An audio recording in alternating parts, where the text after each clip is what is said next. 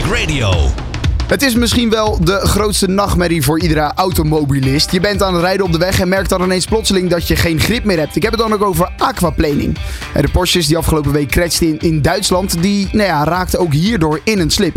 Maar wat is dit nou precies en wat kan je hier aan doen om dit te voorkomen? Dat ga ik bespreken met Frank Jacobs van Autoweek. Frank, laten we eens beginnen met uh, aquaplaning. Wat is dat nou precies? Is als je over nat wegdek rijdt, jouw banden uh, die uh, stuwen het water voor zich uit. Dat moet je vergelijken met, een, met, met de boeggolf van een schip. Nou, dat water moet afgevoerd worden. Dat gaat via de zijkanten van de banden. Uh, en deels ook door het profiel van de banden. Nou, op het moment dat je snelheid hoger is, te hoog wordt, dan is de, de afvoercapaciteit is lager dan de hoeveelheid water die zich, op, die zich ophoopt voor je banden. En dan ga je als het ware op het water staan.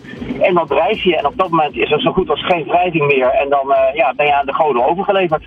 Ja, precies. Want dat kan dus inderdaad al, alleen gebeuren als het dus ook echt regent. Er moet water op het wegdek staan. Nou, er moet serieus water staan. Hè? Je, je banden kunnen het water niet meer kwijt. Ja, je, gaat, je bent gewoon een bootje en dan kun je aan het stuur draaien wat je wilt. Maar dan, uh, dat, dat doet niks meer. En dan zijn er andere krachten waar jij geen macht over hebt die de auto verder uh, een kant uitsturen. Ja, en dat gebeurt dus inderdaad bij een hogere snelheid, zei jij juist. Uh, wanneer je eigenlijk te hard gaat voor nou ja, de, de afvoer van het water. Want er zit natuurlijk pro profiel op de banden, wat ervoor moet zorgen dat dat water nou ja, afgevoerd wordt. En dat je alsnog grip hebt en contact hebt met het wegdek. Absoluut, ja. Dus, dus dat profiel zorgt er feit voor dat niet alleen het water langs de zijkanten af kan gevoerd worden, maar ook tussen de banden door, dus onder de banden langs. Dat, uh, zodat het, ja, de afvoercapaciteit groter wordt.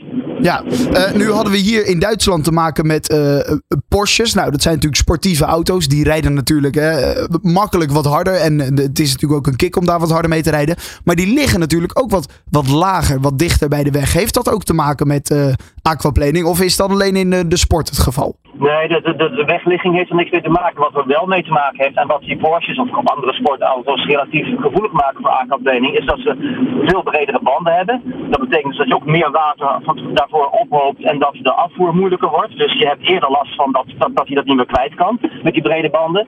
En wat bij een Porsche ook heel vervelend is, is dat de, in dat geval is dat de motor achterin ligt. Dat is het zwaarste onderdeel van de auto. Dus de, de, massa achterin is relatief groot.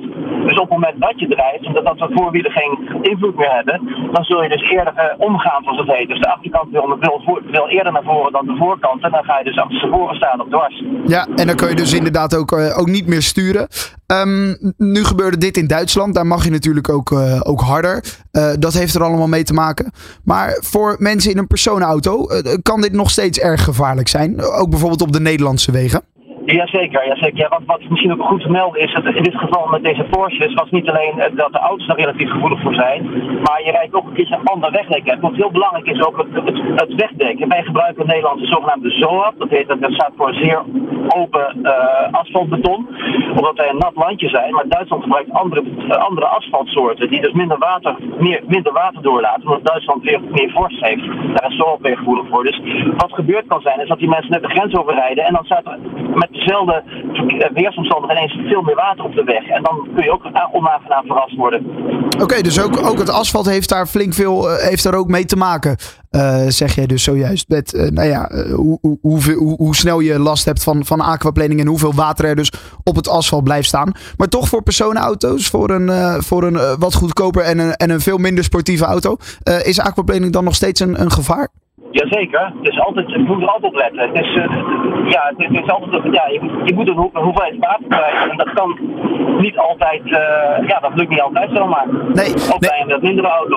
Ja, ja, en zelf merk ik ook wel eens dat je, als je bijvoorbeeld, uh, als het regent buiten en je rijdt een tunnel in en daarna kom je weer, kom je weer zeg maar de tunnel uit, dan merk je natuurlijk ook ineens weer dat, dat er water op het asfalt staat. En dat zijn natuurlijk ook gevaarlijke situaties, hè? Heb even geen verbinding meer. Nee, volgens mij, volgens mij rijdt Frank nu ook naar de tunnel in. Nou goed, uh, in ieder geval bedankt voor je tijd Frank. En uh, weten we weer eventjes ietsjes meer over aquaplaning. Waar je ook heen rijdt, wij gaan met je mee van A naar B. Traffic Radio, always on the road.